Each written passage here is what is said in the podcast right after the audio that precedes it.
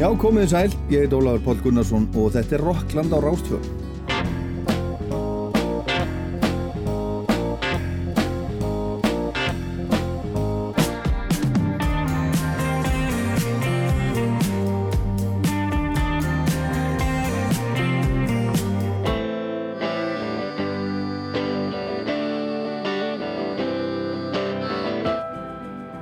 Menninganótt fóru fram í gær, eins og flestir eflaust vita, allan daginn og langt fram á nótt.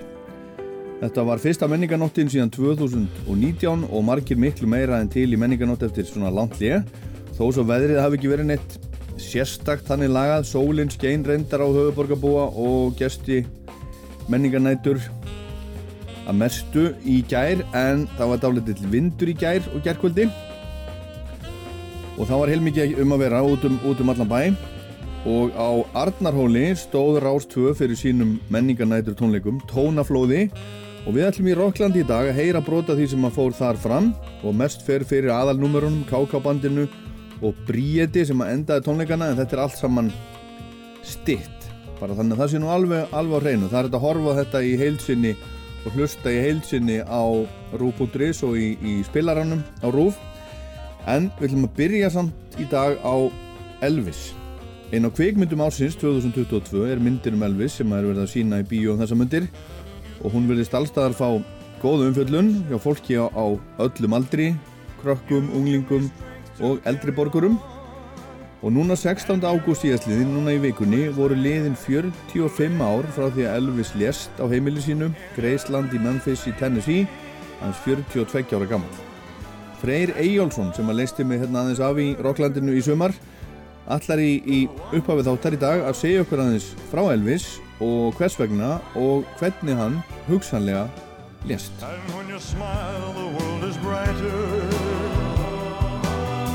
You touch my hand and I'm a king. Your kiss to me is worth the fortune. Your love for me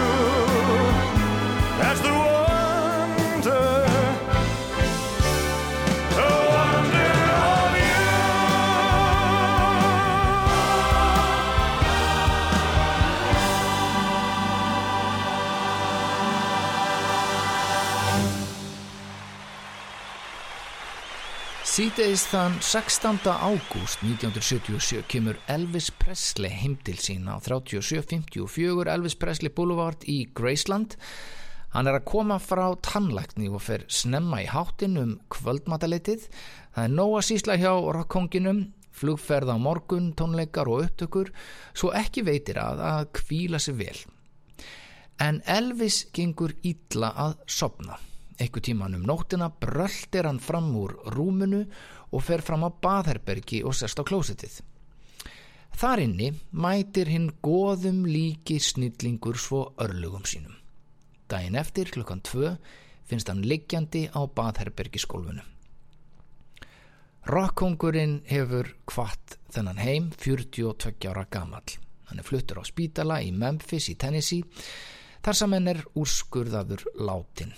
Líkið er kröfið til þess að skera úr um dánarorsakuna. Þremur dögum síðar er tilgjind að hjarta áfall hafi dreyið þennan frægasta tónlistarmann heims til dauða. Eða hvað? Það er margt á huldu um dauða Elvis Presley. Hvað dró hann raunverulega til bana og sömulegis hvort hann dó yfir höfuð. Því margir telja fyrir víst að kongurinn sé enn á meðalvor en það er önnur saga. Á síðustu dögum Presley var flestum nánustu samstarfsmönnum hans ljóst að rockkongurinn væri ekki heil heilsu. Hann var of þungur, vó 160 kíló, illa farin og líka minn fullur af ímiskonar livjum. Reyndar virðist livjamagnið hafa verið slíkt að það hefði geta dreyið heilt hross til dauða. En hvaða liv það er ekki ljóst því að krupningar skísla Elvis Presley verður ekki gerð ofinber fyrir 2027 að beðinni föður hans Vernons. Nokkrum árum áður í november 1973 var Elvis fluttur á spítala. Hann var afar lasburða og ímislegt sem hrjáðan. Lungnabolga, livrabolga, ristilbolga, hjarta tæft, hann var stöðugt dabur allt of þungur og háður ímiskonar verkjalifum. Hann held þó áfram að koma fram á tónleikum en mörgum var orðið ljóst á þessum tíma að kongurinn var að verða skuggin af sjálfum sér. Hálfgerð skrýpamind, spikfeitur og sveittur í glitrandi kvítum galla að burðast í gegnum laugin sín í Las Vegas. Hann hafi tekið miklum breytingum á skömmum tíma. Röttin var samt í fínu lægi og margir vilja einmitt meina að hann hafi aldrei sungið betur en sín síðustu ár. Elvis var þetta kongurinn, frægasti söngveri heim sem hafði unnið þriðju og síðustu grammi völunin sín þetta ár, 1973, fyrir lægið How Great You Are í flokki gospel tónlistar en það er dálítið sérstætt að öll Grammy verlunin sem hann hlaut á ferlinum voru í flokki gospel tónlistar sem hann hallaðist meira að sín síðustu ár. Þrátt fyrir veikindi sín helt Elvis áfram að vinna og gaf ekkert eftir. Elvis kom síðast fram á tónleikum í Markveit Square Arena í Indianapolis 27. júni 1977 fyrir framann 18.000 manns. Það er að horfa og hlusta á þessa tónleika á YouTube og það er ekkert sem gefur til kynna að þetta sé svanasungur Elvis Presley. Hann er vissilega þjættur á velli í kvíta galanu sínum, kósveitur og þrútin í framann en virði samt bara vera nokkuð hraustlegur. Röttin óaðfinnarleg, djúb og kallmannleg, hann leikur á gítar, gandast við áhöröndur, svart hárið sleikt aftur, myndalegi bartar, hann spænir í gegnum þekktustu laugin sín 22 talsins sem þykir alveg ágætis tónleikaprogram jafnvel fyrir hraustasta fólk. En ekki er allt sem sínist. Elvis þykir óvenju tilfinningarnæmur þetta kvöld. Það vekur aðtikli að hann kynir sérstaklega samstarfsmenn sína og vini á sviðinu vel og rækila sem hann er ekki vanur að gera þetta hefur þótt gefa til kynna að Elvis hafi jafnil þekkt sinn vitjunartíma og vitað hvað var í aðsí síðasta lægið sem hann syngur ofinberlega er smellurinn Can't Help Falling in Love with You sem hann gerir með stakri príði og síðan yfirgefur Elvis bygginguna og allt verðist vera í lægi. We drifted apart Does your memory stray to a bright summer day when I kissed you and called you sweetheart. Do the chairs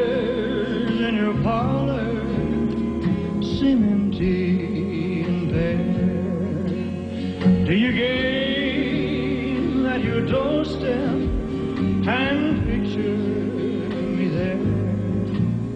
Is your heart filled with pain? Shall I come back again? Tell me, dear, are you lonesome?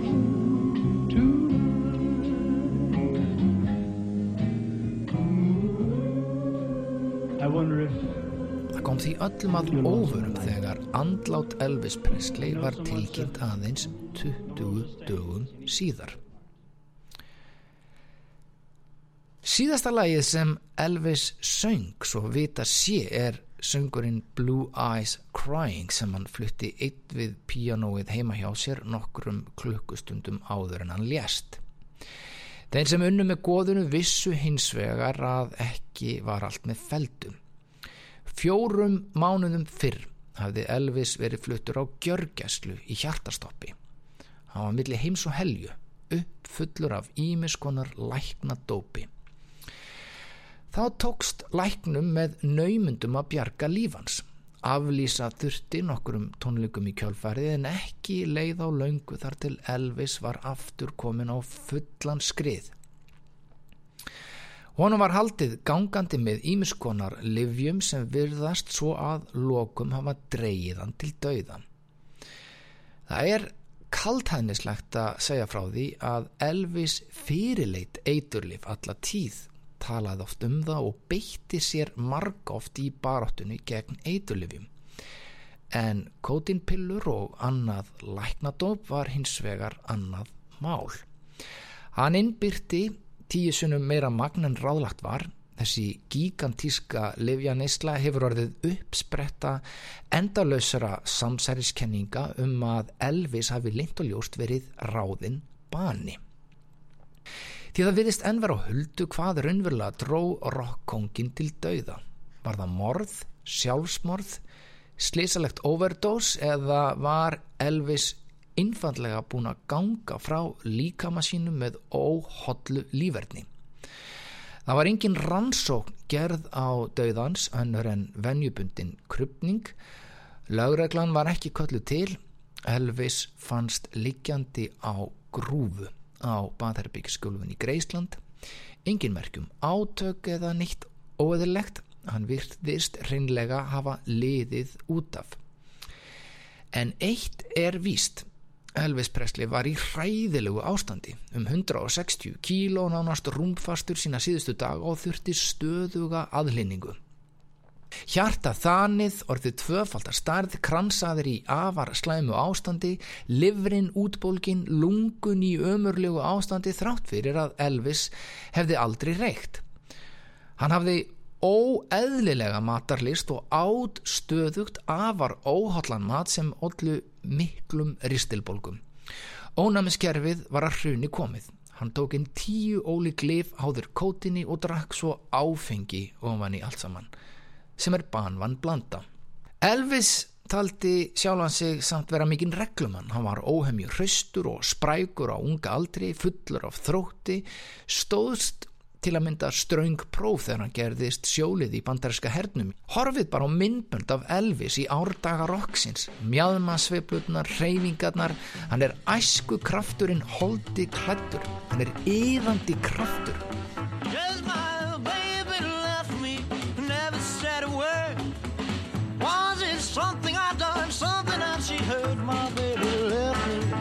my baby left me.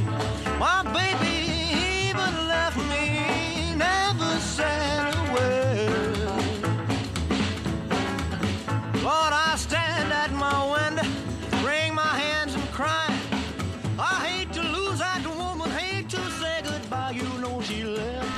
Elvis var líka óhemmi duglegur og fór í laung og ströng tónleikaferðalög og undir slíku álægi var þann snemma háður amfetamíni. Honum fannst amfetaminið hjálpa sér á tónleikum en forðaðist áfengi af þeim sögum að honum fannst hann verða áðbeldisfullur við nótgun þess. 1967 fer Elvis í lækniskoðun. Þá var hann 32 ára, 74 kíló, nokkur hraustur og res, kannski með heldur háan blóðþristing en allt í fína. Á þessu ári fer hins vegar að halla undan fæti. Heilsu hans fer skindilega að raka. Stöðugir, verkir, svepleysi, hann glýmir við síþreitu á milli þess að hann er gjörsamlega ofverkur. Hann byrjar að þingjast hratt og hegðun hans verður stöðugt undarlegri. Enda lausar lækna heimsóknir og livja skamturinn stækkar og ykst. Nikopolos eða Dr. Nick eins og hann var kallaður var læknir fræga fólksins og hann var auðvitað heimilislæknir Elvis fram í andlátið og dældi í hann ímiskonar livjum. Dr. Nick var viðstatur krupningu Elvis Presley og let skrifa skýrt og skilmerkilega að banameinið hafi alls ekki verið ofneisla livja. Ímsa rannsóknir, livjaglös og kvittanir gefa til kynna að Elvis hafi innbyrt einn fimm mismunandi liv þennan örlega ríka dag. Kótín liv sennilega í tísinu meira magni en ráðlagt var. Livjaskamtur sem hefði undir venjulegum kringumstæðum gert út af við venjulegan mann. Það telja margir að Elvis Presley hafi nefnilega dáið úr ofnislu livja og margir vilja kenna hinnum livja glada lækni Dr. Nick um. Á árinu 1977 skrifaði hann ófáa livsæðila fyrir rokkóðið alls 8.805 pillur. Síðustu tvö árin er talið að Dr. Nick hafi látið Elvis gleipa 19.000 pillur af ímsu tægi, fimm sinnum meira magnin langt leittur krabbamissjúklingur er vanur að taka. Dr. Nick hefur setna þurft að verja þessa gigantísku livjagjöf. Hann segist að hafa skrifað út þessi liv til þess að koma í veg fyrir að Elvis ánetjaðist ólöglegum livjum. Elvis hafi verið fíkill og alkoholisti sem sé vissulega sjúkdómur, hann hafi sem lækni reynd að stýra fíkninni og gera sitt besta. Dr. Nick verði samt aldrei hafa hugkvamst að senda Elvis í meðferð en það er hann að mál. Um tíma var í aðtugun að hefja lögröklu rannsókn á þeim forsendum að Dr. Nick hefði hreinlega gerst segurum manndróp af gáleysi öll kótinlífin sem Elvis innbyrti sangvand ráðleggingum Dr. Nicks hefðu dreyðan til dauða. Dr. Nick benti á að Elvis hefði farið til tannlæknis dægin áður fengið kótinlíf þar án vitundar hans og það gæti verið ástæðin og þar með var rannsóknin feld niður. Það hefur síðan gefið öllum samsæriskenningum byrundir báðavangi að krupningarskíslan sem gæti varpa ljósi á livjaendtöku og dauða Elvis Presley verður ekki gerð ofinber fyrir neftir tíu ár, eða 2027 að beðinni Presley fjölskyldunar. Þá fyrst fáum við kannski að vita hvert raunverulega var bana megin rockáðsins. Every man has a black star, a black star over his shoulder. And when a man sees his black star, he knows his time, his time has come. Black star, Hins vegar eru til fleiri tilgátur um dauða Elvis Presley. Þegar Hilsons fór að raka 1967 og þá nokkur rætt, hafði hann lendi í minniháttar slísi. Við tökur á myndinni Klambik flækt hann eitt sinn fæturnar í rafmagsnúru og hrasaði og rak höfuðið utan í baðkar. Hann rótaðist og það var farið með hann á spítala. Eftir það fór Elvis að kvarta undan þrálátum höfuðverkjum og það geti vel verið að Elvis hafi fengið alvarlega höfuðáverka heila skada sem ekki hafi verið uppgötaður. Ótímabært andlátt hans hafi því verið eins konar langt og kvalarfullt heilablóðfall.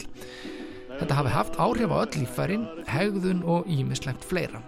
Elvis hafi samsagt háð tíu ára langt dauðastríð af þessum sögum. Vegna stöðugra verkja hafa hann síðan orðið háður ýmsum livjum. Ekki hafi bætt úr skáka, hann virðist hafa verið hreinræktaður, matar og livja fíkil. Elvis hafi því dáið af völdum höfuðmeðsla. Dánar orsök því slis sem var ekki með höndlað rétt. En eitt er víst Rockheimurinn var ekki samur eftir að kongurinn kvatti fyrir 40 árum. Minningin um Elvis er svo sterk að fólk virðist hafa séðan að bregða fyrir á hverjum degi síðan þá.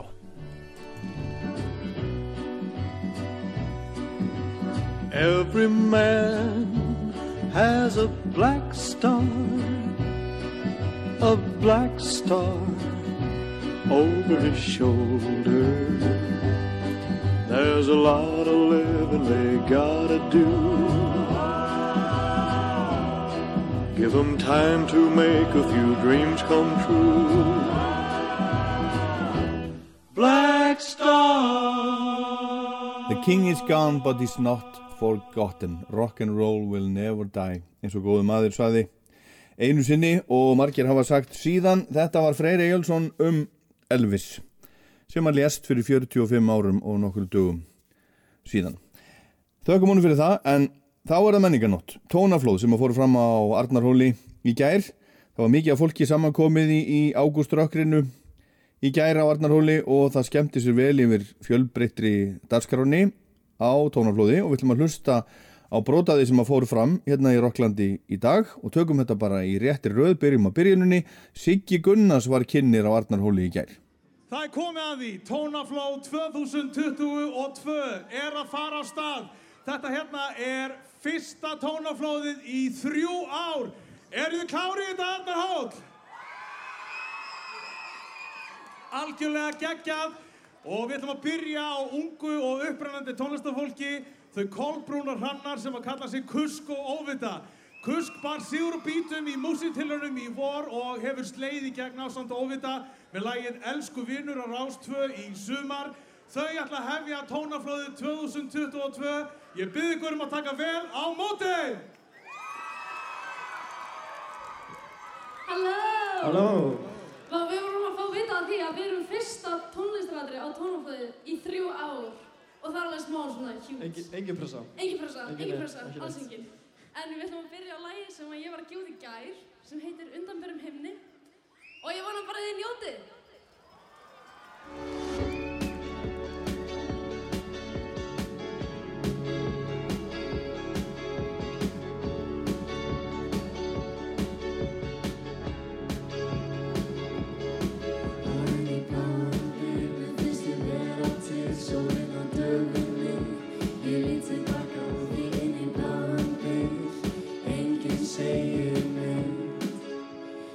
easy burger.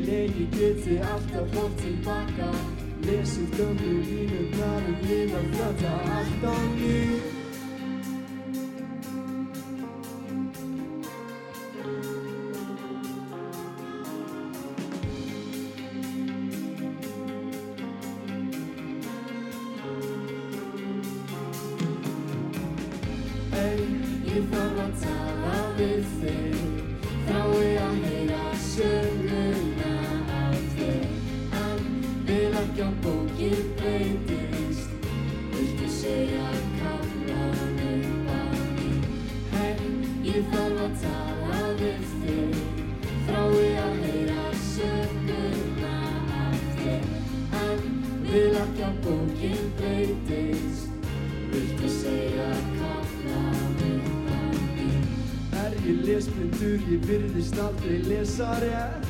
Í aðstæður það sem er mikilvægt að gera rétt. Stormur í aðsíki og ég er út að taka til Eftir áleikslu sem var ég olli mér og þér.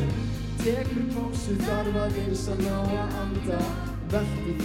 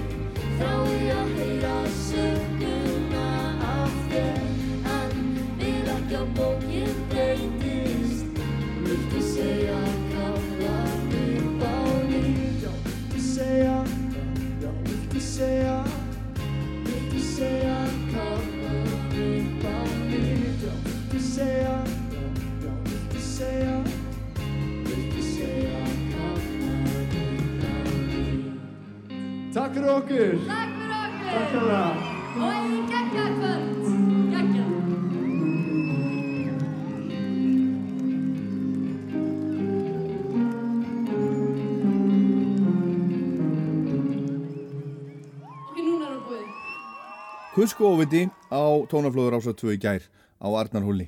Og við höldum áfram að uh, upphefja ungt og efnilegt tónlistafólk sem að á framtíðina fyrir sér í bransanum.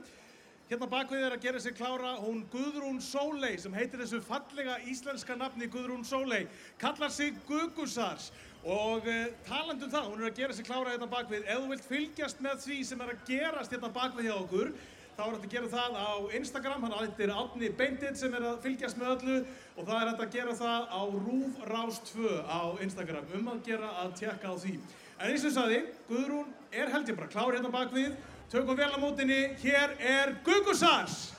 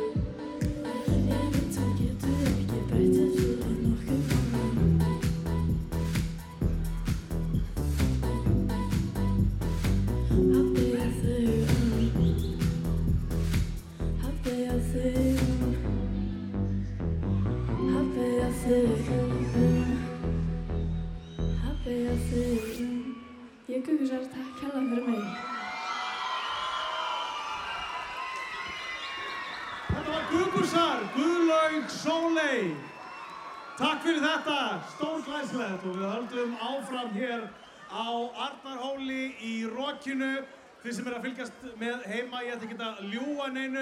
Það er brjálað rokk og, og svona norðangarri og kuldi hérna. En við dönsum okkur til hlýju og uh, okkur verður sjóðandi heitt undir lokin í kvöld þegar að Bríett lokar sjóinu áður en að við fáum svo flugvelda síninguna. En það er fólk að fylgjast með okkur í beinni útsendingu á RÚF og á Rás 2. Meðal annars í útlöndum, ég fekk uh, send skilabá áðan frá fólki sem er að fylgjast með okkur í 27 gráðum. Uh, aðeins öruvísi stemming þar heldur en hér á uh, hólnum. En eins og segi, við dönsum okkur til hlýju hér í kvöld. Og nú ætlum við að færa okkur yfir í rappið. Við ætlum að heyra í tónlistamanni Já, greinlega einhverjir til í rappið hérna, við ætlum að heyra í tónlistamanni sem að gaf út sína fyrstu plötu árið 2019, sem sagt síðast þegar við vorum með tónaflóð. Hann er búinn að vera að slá í gegn á rappsenunni síðastliðin þrjú ár og heitir Daníl. Þekkið Daníl? Hörru, ég að bjóða hennum gæst með mér að taka þetta. Maður fá fokkin heiða fyrir Joey Christ. Jó, jó, jó, Arnar Hóll, eru þið í stuði í kvölda? Yes, sir, heyrðu, hóndast áfram með það. Yes, sir, kemur þetta í gang. Sjalið það ég er nettur, Allir að syngja það með Við þurfum að fá orku frá ykkur. Eru þið til í það? Yeah, yeah, yeah, yeah, yeah, yeah. Ey, ey Syngið þið með okkur. Ok Ég rúla solo, dolo, blanda Gucci með polo Motto innvendi YOLO Flott og DC að slow-mo Ég er með kís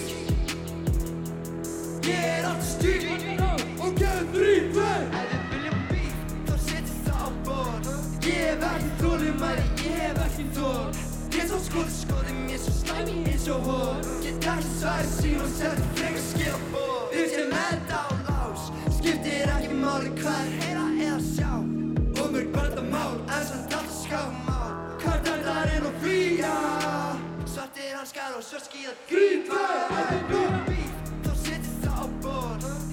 Ég hef ekki þólum mæri, ég hef ekki þól Ég svo skoði, skoði mér svo slæmi eins og hór Get ekki sværi sín og setja frekar skil á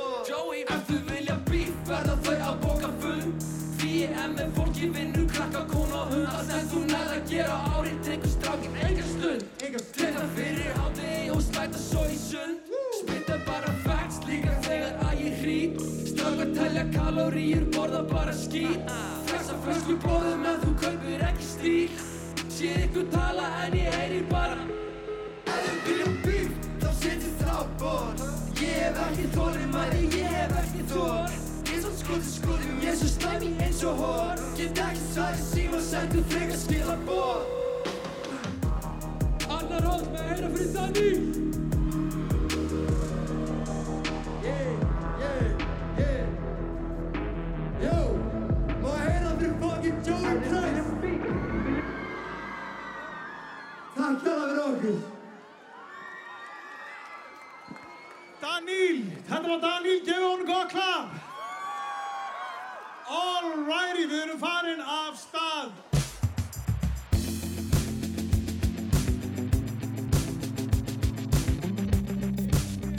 Rástvö með þér á kvöld. Frá Arnarhóli, þar sem að tónaflóð 2022 er í fullum gangi. Stemmingin er góð, fólkið hérna á hólnum er æðislegt, er það ekki? Akkurat, það er algjörlega æðislegt, frábær stemming hér í miðborgar Reykjavíkur á menningarnót og við ætlum að halda áfram með tónlistarveistuna. Við ætlum að fá á svið hljómsveit sem að sló í gegn í fyrra með læginu Mér er drull. Munið eftir því, geggja lag. Þær eru komnar á sviðið og ætla að taka meðal annars fyrir okkur þetta frábæra lag Mér er drull. Ég vil byggja ykkur um að taka vel á móti. Flott! Halló Arnar Holt, hvað heyri ykkur? Er ykkur kallt?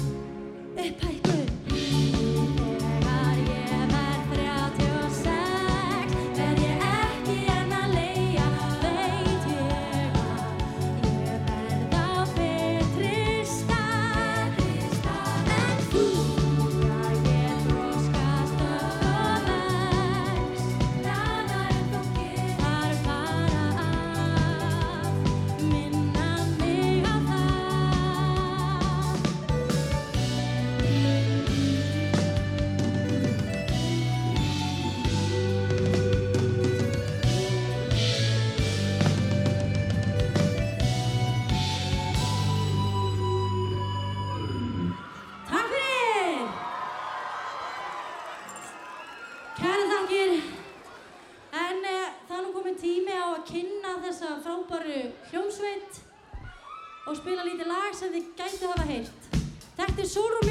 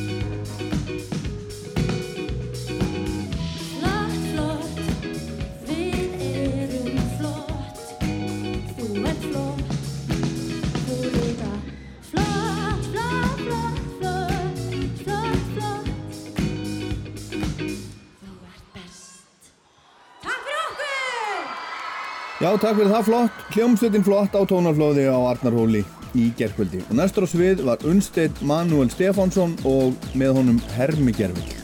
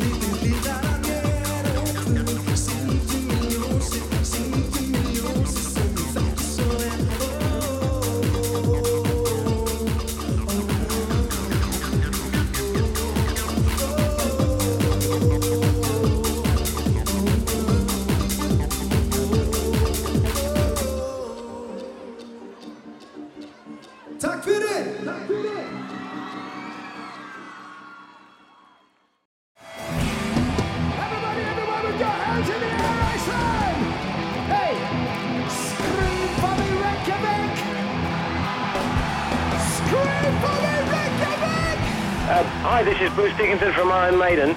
You're listening to Rockland on Rouse Pur. Já, þetta er Rockland á Rás 2, ég heit Ólaður Páll Gunnarsson og við erum að hlusta á tónaflóð Rása 2 sem var varnarhóli í gær og kynir á hólnum var Siggi Gunnars.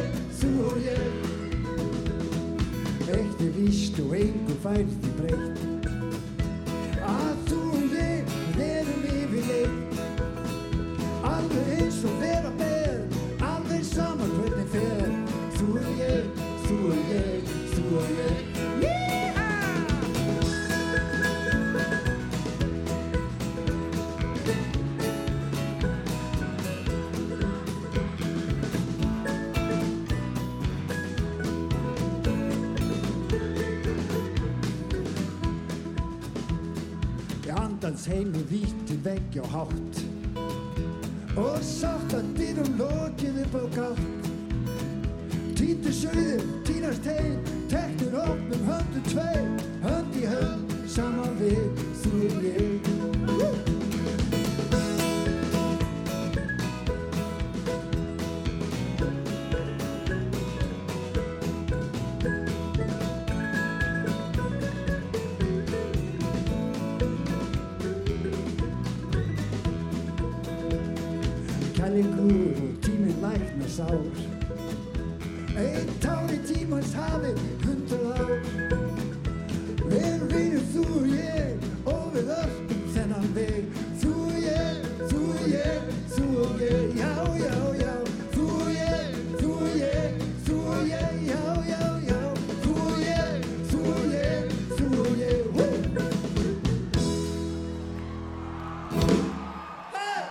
tók á banda Varnarhóli í gær á tónalflöður ásvöldu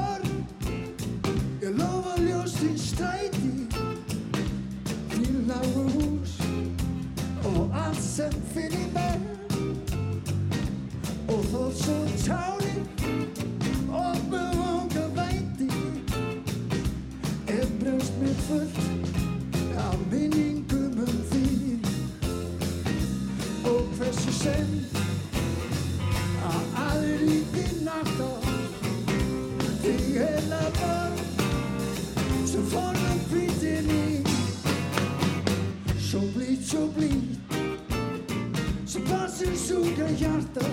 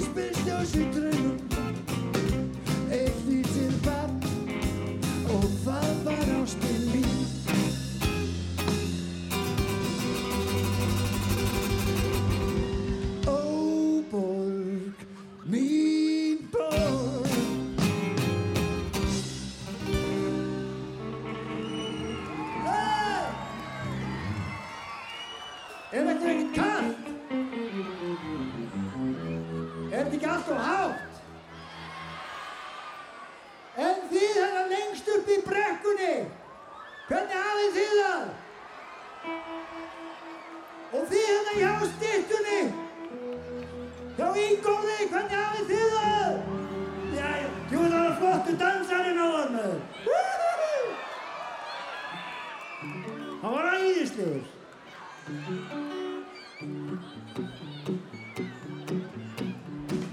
Þjóðveg 66 Í fjarlæðin síndist Fjöllum er á blá Eitthvað sem þau frá. Á þjóðvegi 66 Já, já, á þjóðvegi 66 Manneskur og flótta Allstar á ferði gegnum New York og Disneyland Og líða þessi með. Allir beigir vestur, haldið sumar átt. Sýtjandi upp á hlættinu þeir hafa ekki hátt. Ó, þau vegi 66 Í fjarlæðin síndist, fjöldin er á bláum Fundu hvorki sjálf og sín eitthvað sem þau þrá Á þjóðvegi 66 Já, já, á þjóðvegi 66 Jón nokkuð Steinbeck hann fór þessa slóð og hann. Skrifaði skuldur um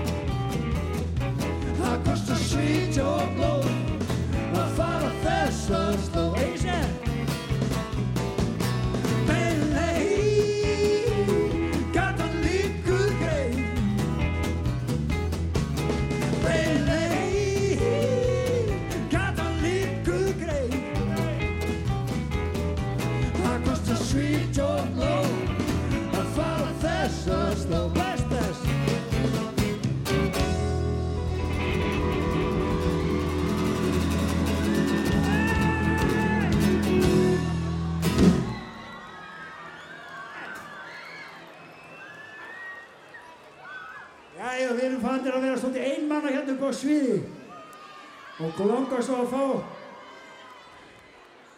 og langar svo að bæta við fólki hennan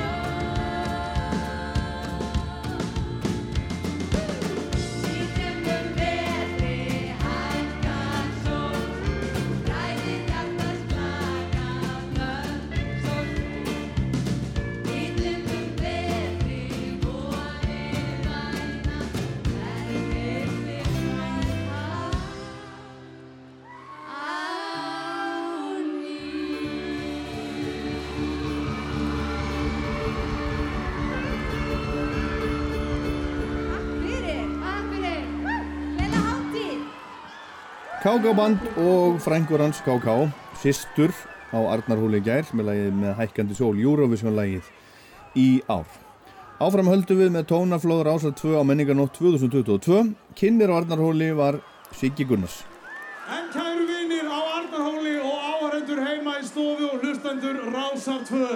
Það er komið að því að taka á móti loka atriðinu hér í kvöld. Það er kona sem hefur sungið sig inn í hög og hjörtu þjóðarinnar síðastliðin árs. Hún heitir Bríett. Tökum vel á mótinni, Bríett, gjörðu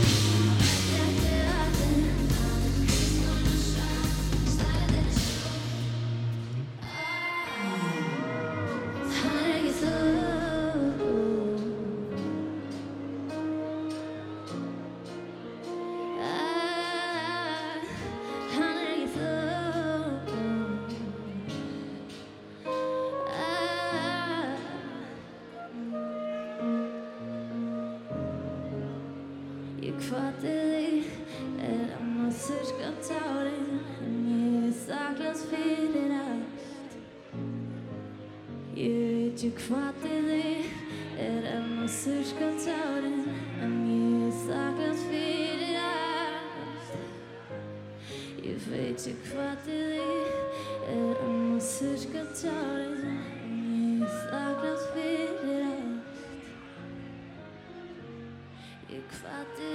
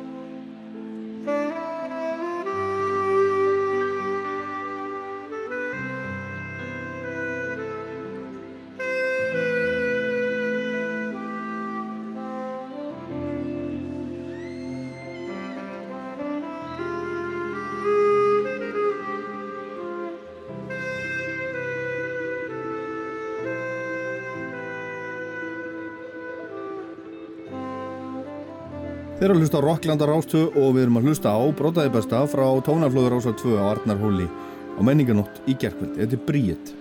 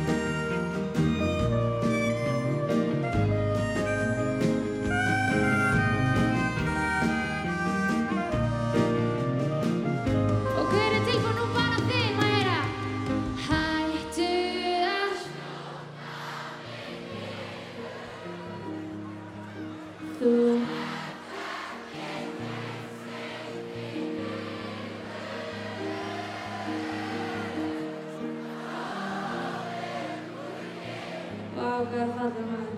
Maður heyra bara stelpur. Ok, strákar, getið þið gert betur?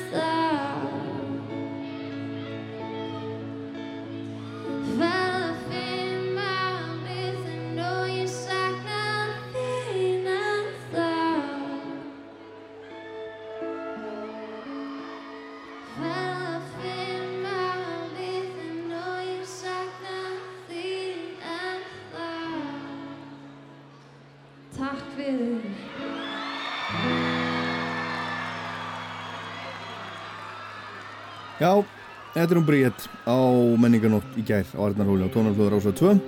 Þetta var Rockland, hún endar þetta. Ég er Ólaður Páll, takk fyrir að hlusta.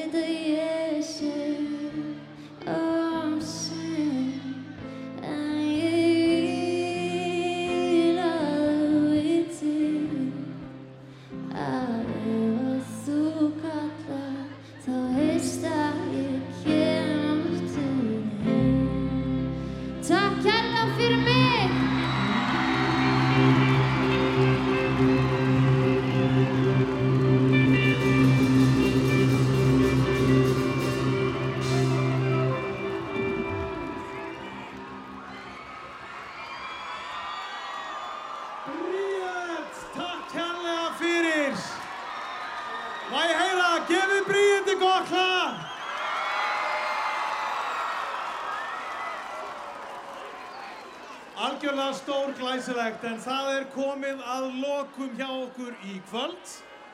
Tónaflóð 2022 er að klárast, en áður en við förum heim þá er það flugöldasýningin. Eru þau klár í flugöldasýninguna? Fyrir hönd Rúf og Rásar 2 þakka ég ykkur öllum fyrir komuna hingað á Arnarhól í kvöld og þakka ykkur heima fyrir að horfa og fylgjast með okkur í beinni útsettingu á Rúf og í beinni útsettingu á Rás 2. Þetta er búið að vera alveg svakalega skemmtilegt en ég ætla að fá ykkur hér á hólnum til þess að telja niður með mér í flugöldasýninguna. Eru þið klári í það? Ég sagði, eru þið klári að telja niður? Harpan ætlar að hjálpa okkur, horfið á hörpu því að þar sjáum við tölurnar byrtast og svo teljum við saman niður að flugöldarsýningunni. Eru þið klár? Ok! Tíu, níu, átta, sjö, sex, fimm, fjórir, þrý, tvei, einn. Woo!